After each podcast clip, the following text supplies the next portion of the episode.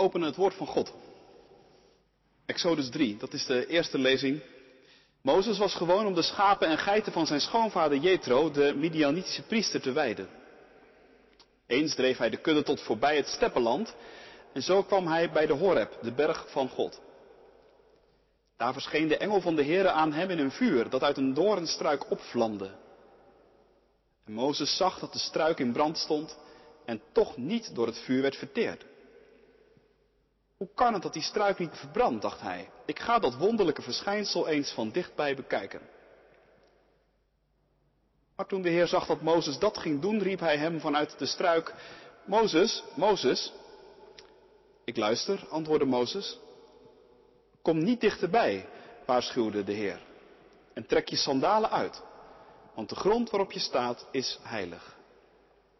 Ik ben de God van je vader, de God van Abraham, de God van Isaac en de God van Jacob. En Mozes bedekte zijn gezicht, want hij durfde niet naar God te kijken. En de Heere zei, ik heb gezien hoe ellendig mijn volk er in Egypte aan toe is. Ik heb hun jammerklachten over hun onderdrukkers gehoord. Ik weet hoe ze lijden. Daarom ben ik afgedaald om hen uit de macht van de Egyptenaren te bevrijden. En om hen uit Egypte naar een mooi en uitgestrekt land te brengen. Een land dat overvloeit van melk en honing. Het gebied van de Canaanieten, de Hethieten, Amorieten, Ferizieten, Hevieten en Jebusieten. De jammerklacht van de Israëlieten is tot mij doorgedrongen. En ik heb gezien hoe wreed de Egyptenaren hen onderdrukten. Daarom stuur ik jou naar de farao. Je moet mijn volk, de Israëlieten, uit Egypte wegleiden. Mozes zei, maar wie ben ik dat ik naar de farao zou gaan en de Israëlieten uit Egypte zou leiden? God antwoordde, ik zal bij je zijn. En dit zal voor jou het teken zijn dat ik je heb gestuurd. Als je het volk uit Egypte hebt weggeleid, zullen jullie God bij deze berg vereren. Maar Mozes zei, stel dat ik naar de Israëlieten ga en tegen hen zeg dat de God van hun voorouders mij gestuurd heeft. En ze vragen, wat is de naam van die God? Wat moet ik dan zeggen? Toen antwoordde God hem, ik ben die er zijn zal. Zeg daarom tegen de Israëlieten, ik zal er zijn, heeft mij naar jullie toegestuurd. Tweede lezing uit Ezekiel 36 vanaf vers 16. De Heere richtte zich tot mij, tot Ezekiel, en hij zei, mensenkind, toen de Israëlieten nog in hun land woonden, hebben ze dat door hun daden onrein gemaakt. Ik zag hoe hun daden even onrein waren als een vrouw die ongesteld is. Dus stortte ik mijn toren over hen uit, vanwege al het bloed dat ze op het land hadden uitgestort en vanwege de afgoden waarmee ze het hadden verontreinigd. Ik verdreef hen naar vreemde volken en ze raakten verstrooid in verre landen. Ik strafte hen zoals ze verdienden. Bij de volken waar ze kwamen werd mijn heilige naam ontwijd, doordat men van hen zei, dit is nu het volk van de Heer, uit zijn land is het verbannen. Het deed mij verdriet dat mijn heilige naam zo door het volk van Israël ontwijd werd, bij alle volken waar het kwam. Zeg daarom tegen het volk van Israël, dit zegt God de Heer, ik zal ingrijpen, volk van Israël, niet omwille van jullie, maar omwille van mijn heilige naam, die je hebt ontwijd bij de volken waar je gekomen bent. Ik zal mijn grote naam, die door jullie bij die volken is ontwijd, weer aanzien verschaffen. Die volken zullen beseffen dat ik de Heere ben, spreekt God de Heere. Ik zal ze laten zien dat ik heilig ben. Ik leid jullie weg bij die volken. Ik breng jullie bijeen uit die landen en laat je naar je eigen land terugkeren. Ik zal zuiver water over jullie uitgieten om jullie te reinigen van alles wat onrein is. Van al jullie afgoden. Ik zal jullie een nieuw hart geven en een nieuwe geest. Ik zal je versteende hart uit je lichaam halen en je er een levend hart voor in de plaats geven. Ik zal jullie mijn geest geven en zorgen dat jullie volgens mijn wetten leven en mijn regels in acht nemen. Jullie zullen in het land wonen dat ik aan je voorouders gegeven heb. Jullie zullen mijn volk zijn en ik zal jullie God zijn. Derde lezing uit Johannes 17. Toen sloeg Jezus zijn ogen op naar de hemel en zei, Vader, nu is de tijd gekomen.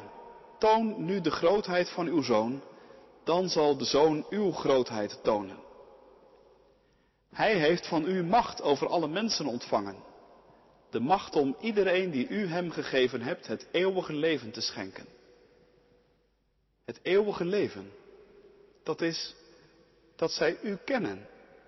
De enige ware God en Hem die u gezonden hebt, Jezus Christus.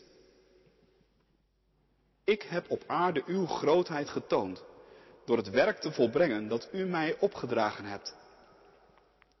Vader, verhef mij nu tot uw majesteit, tot de grootheid die ik bij u had voordat de wereld bestond. Ik heb aan de mensen die u mij uit de wereld gegeven hebt, uw naam bekendgemaakt. Ze waren van u, maar u hebt hen aan mij gegeven. Ze hebben uw woord bewaard. En nu begrijpen ze dat alles wat u mij gegeven hebt van u komt. Als het goed is heb je bij de ingang dit uh, blaadje gekregen. Daarop drie kernteksten uit de lezingen die we zojuist uh, gehoord hebben. En een vraag en een antwoord uit de Heidelbergse catechismus. Dat gaat zo. Wat bidden we met de woorden uw naam worden geheiligd? Het antwoord is tweeledig. Leer ons u te kennen zoals u bent, om u in alles wat u doet te prijzen. En leer ons ook in alles wat wij doen ervoor te zorgen dat uw naam niet gelasterd, maar geprezen wordt. Gemeente van Christus, in mijn vorige gemeente kreeg ik nog wel eens een anonieme brief. Niet zo vaak, maar het gebeurde wel. Een brief die, zonder dat de afzender zich bekend maakt, in je brievenbus ligt en waar de inhoud er meestal niet om ligt. Inmiddels denk ik, die had ik moeten bewaren, want zulke soort brieven zijn een zeldzaamheid aan het worden. Nee, niet dat er trouwens minder anoniem geschreven en geroepen wordt. Integendeel. Je weet het, dankzij Twitter en andere sociale media is anonimiteit nog veel gemakkelijker geworden. Veel min of meer bekende Nederlanders hebben echt last van haatmail. En ik las ergens dat meer dan 40% van de tieners wel eens slachtoffer is van digitaal pesten. Wat is dat toch? Waarom schrijven we elkaar anonieme brieven? Posten we anonieme scheldpartijen en verdachtmakingen? Kennelijk zoeken we soms een uitlaatklep voor ons ongenoegen over mensen en dingen. En geeft het niet noemen van onze naam daarbij een bepaald gevoel van veiligheid. Maar blijkbaar hebben we dan ook iets te verbergen. Blijkbaar is het soms prettig dat je gangen niet na te gaan zijn. Blijken we misschien toch niet helemaal zeker van onze zaak. En vluchten we daarom maar in anonimiteit.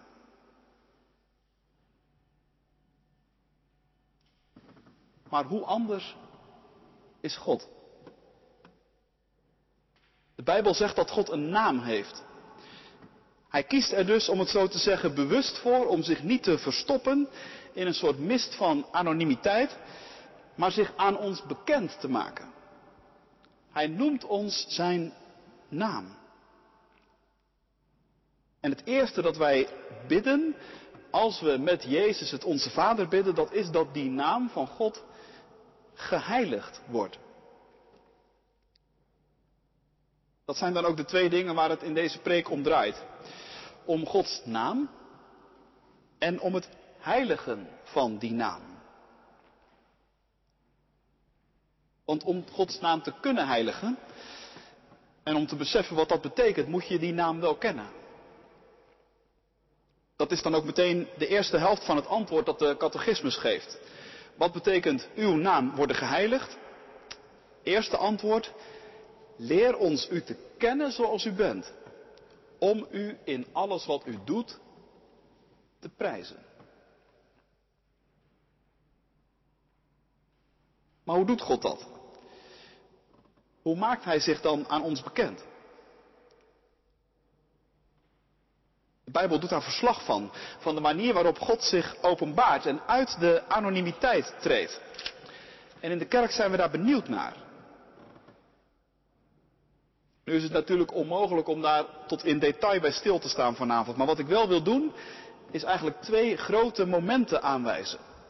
Twee brandpunten als het ware, die je kunnen helpen om in die veelheid van getuigenissen over God, waar de Bijbel mee vol staat, een soort van rode draad te ontdekken. Het eerste brandpunt is Israël. De Heere God heeft ervoor gekozen zijn naam op een bijzondere manier bekend te maken aan het volk Israël. En een van de meest duidelijke momenten waarop God dat doet, hebben we gelezen in Exodus 3. Misschien kende je het verhaal al. Israël kreunt onder een slavenbestaan in Egypte. En Mozes, die aan het hof van een eerdere farao was opgegroeid, heeft het land moeten ontvluchten op verdenking van moord. Als een schaapherder slijt hij zijn dagen in Midian. Maar dan een wonderlijk moment. Mozes zwerft door de woestijn en midden op de dag staat er een braamstruik in brand. Op zich nog niet eens zo vreemd. Maar als Mozes dichterbij komt, dan gebeurt iets bijzonders. Er is een stem. Mozes wordt bij zijn naam geroepen. Hij blijkt niet anoniem rond te lopen in de woestijn. Er is iemand en die schijnt hem te kennen.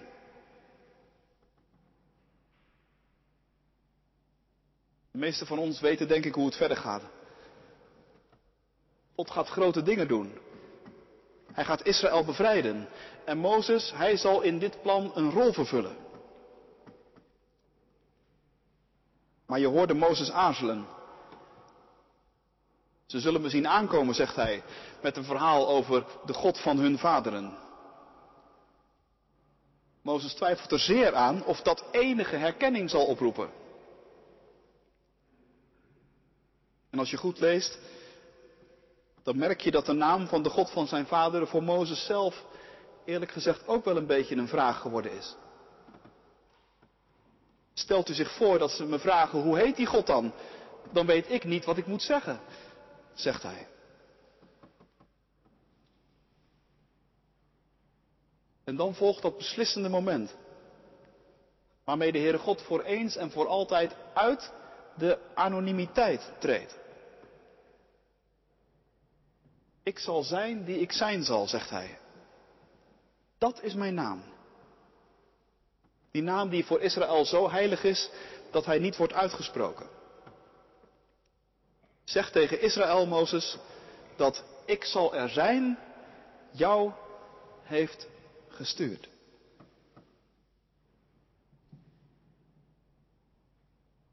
Wat zegt die mysterieuze naam? Het is een naam die betrouwbaarheid uitdrukt. Op deze God kun je aan, wil deze naam zeggen. Op Hem kun je je vertrouwen stellen. En als je dat nog wat te weinig concreet vindt, te abstract misschien, let dan vooral op wat deze God allemaal doet. Want dat zijn naam betrouwbaar is, dat blijkt uit zijn daden. Als hij zegt Israël uit Egypte te zullen verlossen, dan doet hij dat ook. En wat hij doet, doet hij niet anoniem, maar in alle openheid. God heeft niets te verbergen. Hij maakt zijn naam bekend, zijn daden onderstrepen zijn woorden. En die daden gebeuren gewoon in de hele concrete levens van mensen. Daar is niks geheimzinnigs aan.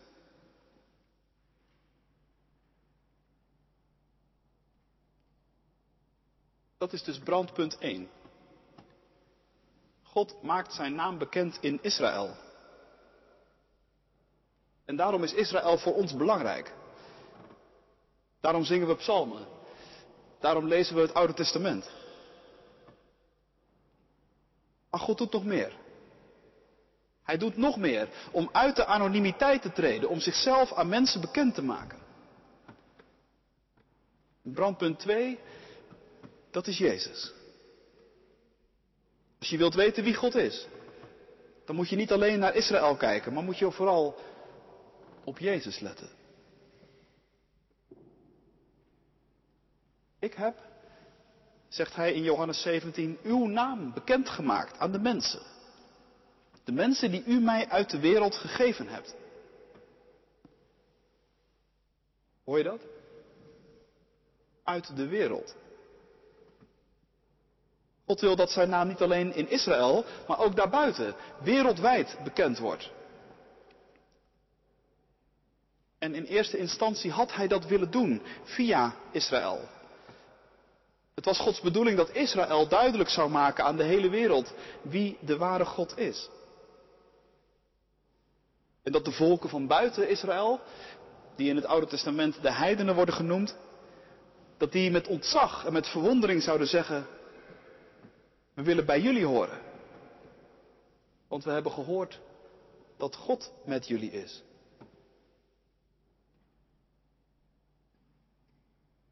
Maar het tragische van het Oude Testament is dat Israël telkens weer die roeping niet waar kan maken. Het lukt gewoon niet. En daarom kiest God voor een nieuw plan. Want aan zijn naam verandert niets. Wat hij zegt te zullen doen, dat doet hij ook. Hij wil niets anders dan dat de aarde vol is van zijn aanwezigheid. En daarom schuift hij zichzelf in Jezus opnieuw naar voren.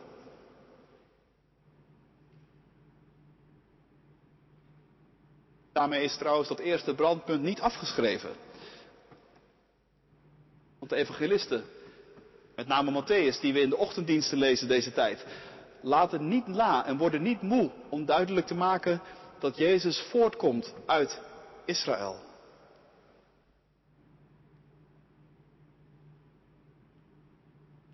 Maar Israël faalde.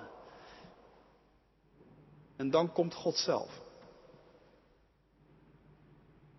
Dan komt Hij in de gestalte van een mens. En zal Hij op die manier laten zien wie Hij is. Dan zal Hij zo zijn naam bekendmaken. En daarom doet Jezus die wonderen van genezing en bevrijding. Daarom doet hij tekenen waarin hij laat zien dat hij machten en krachten die ons gewone mensen te boven gaan, de basis. Daarom kondigt hij het koninkrijk van God aan. De nieuwe wereld die komt als God zijn plannen vervuld heeft.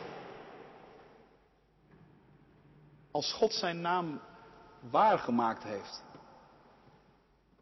Ik zal zijn die ik zijn zal. Want God houdt niet van anonimiteit. Hij heeft namelijk niets te verbergen. En zijn naam en zijn eer, dat is zijn trots. Die wil hij hoog houden. Die wil hij heiligen. Zo maakt hij zich bekend. Via Israël en in Jezus. Zo maakt hij zichzelf toegankelijk, zou je kunnen zeggen. Aanspreekbaar.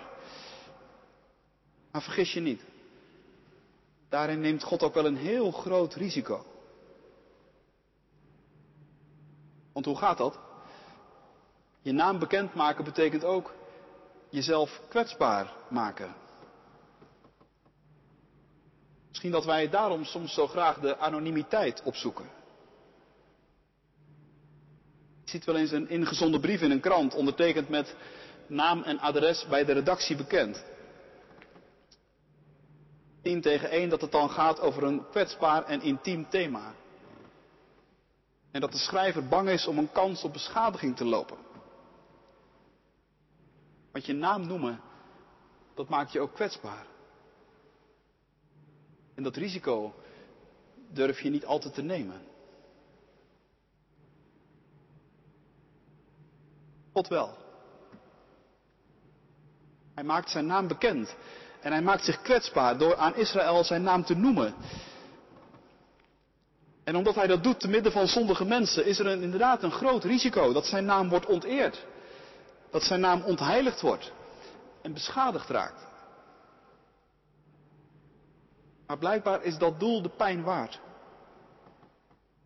Blijkbaar vindt God het zo belangrijk dat wij mensen zijn naam leren kennen. Dat hij het risico van gekwetst te worden maar op de koop toeneemt.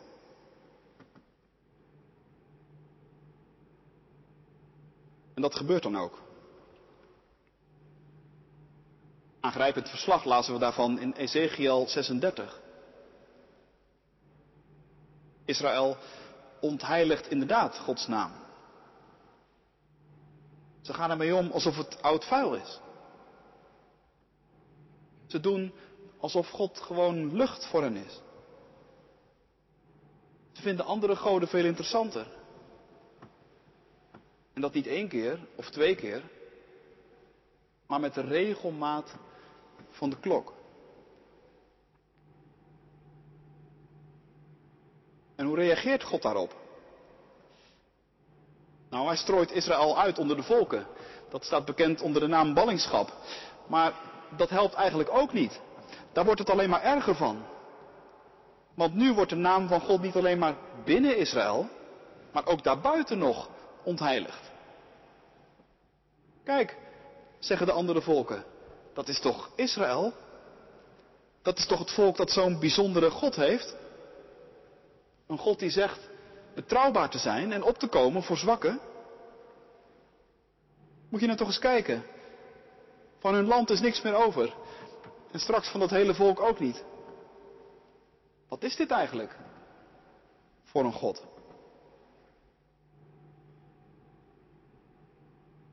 En zo krijgt Gods reputatie een knauw. Hij wordt beschouwd als een vader die zijn eigen kinderen niet op kan voeden. Zo wordt er over hem gedacht.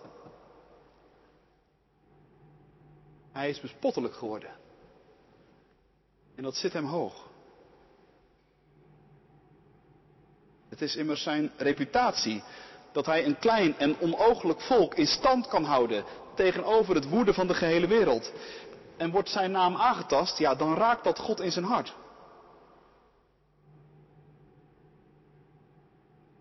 Goed, zegt hij daarom. Ik zal opnieuw laten zien dat ik betrouwbaar ben, dat je aan kunt op mij. En dat de naam waarmee ik mezelf aan Mozes heb bekendgemaakt, dat die naam nog steeds mijn naam is. Ik zal jullie opnieuw bevrijden. Maar, lazen we in Ezekiel 36, ik doe dat niet omwille van jullie. Ik doe het omwille van mijzelf. Omwille van mijn heilige naam. Omwille van mijn heilige naam laat ik jullie niet los, want ik kan mezelf niet verloochenen.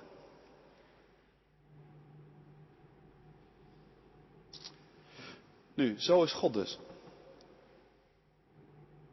Als het gaat om het hooghouden, het eerbiedige en heilige van zijn heilige naam, dan maakt hij zich niet zoveel illusies over jou en mij. Wij lopen daar niet zo hard voor.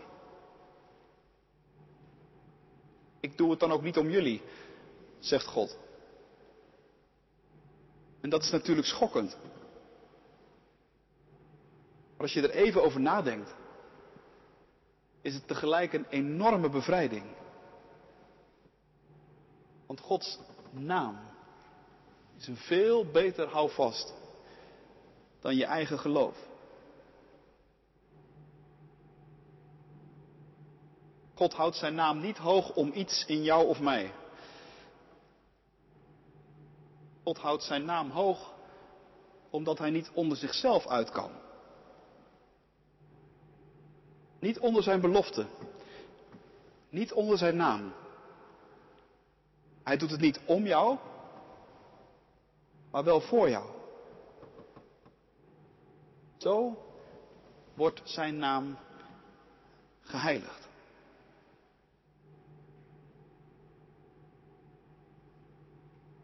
Nog intenser zie je dat in Jezus. God komt in Jezus naar ons toe om zijn naam hoog te houden. En nog meer dan in Israël kun je zien hoe God daarin ver gaat. Nog meer dan bij Israël kun je zien hoe God zich kwetsbaar maakt in Jezus en welk geweldig risico hij daarin neemt. Want als God de gestalte van een mens aanneemt, dan kun je hem dus wel heel diep raken. En ook dat gebeurt. Wij mensen gaan met Jezus om alsof het oud vuil is. We vinden onszelf en onze eigen goden vele malen interessanter. En we weten niet hard genoeg hoe we ons best moeten doen om Jezus weg te dringen uit onze samenleving, uit onze levens. En we weten niet hard genoeg hoe we ons best moeten doen om Hem over het randje te kieperen. Om Hem aan het kruis te slaan.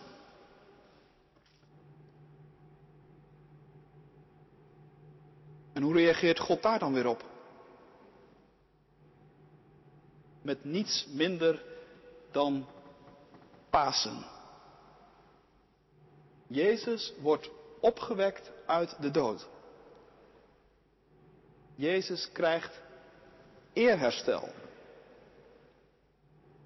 Word wakker, mijn zoon, zegt God. Jij bent het die mijn naam ten diepste onder de mensen bekendgemaakt heeft. Word wakker, mijn zoon. Jij bent het die mijn naam geheiligd heeft. Hooggehouden. Niemand zal meer kunnen zeggen, we weten niet wie God is. Hoe zouden we zijn naam dan kunnen heiligen en hoog houden?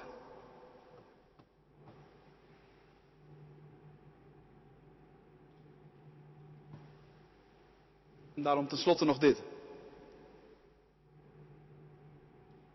We zagen dat uw naam worden geheiligd in de eerste plaats iets is dat God dus zelf doet. Hij maakt zijn naam aan ons bekend en hij houdt die ook zelf hoog. Dat is de reden dat hier een kerk staat. En dat hier een gemeente is.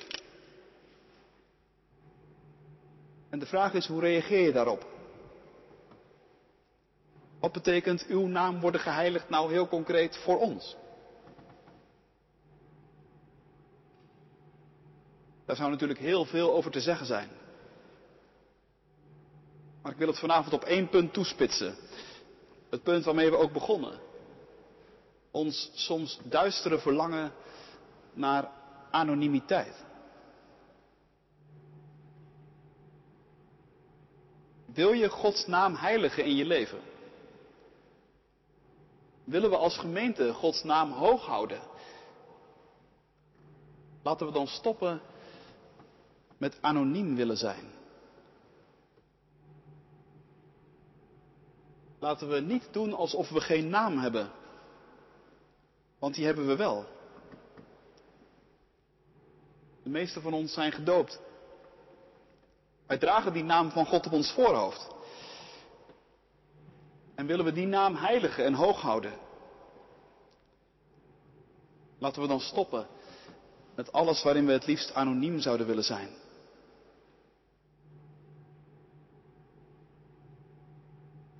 Laten we stoppen met de anonimiteit te zoeken tussen onze collega's of vrienden. Want waarom zouden we iets willen verbergen? We dienen toch een God die zich bekend maakt. We dienen een God die niet aarzelt om zijn eigen naam te noemen. En die niet aarzelt om zich kwetsbaar te maken met alle risico's van dien. Als Hij daarvoor niet aarzelt, waarom zouden wij het dan doen?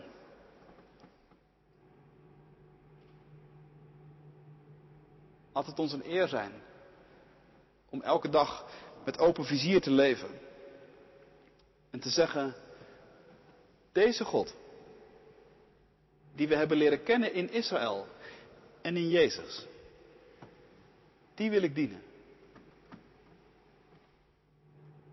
We dat zeggen, dan maken we zijn naam groot.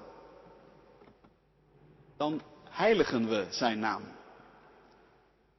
En wordt die inderdaad niet door ons gelasterd, maar geprezen. Lof zij u, Christus, tot in eeuwigheid. Amen.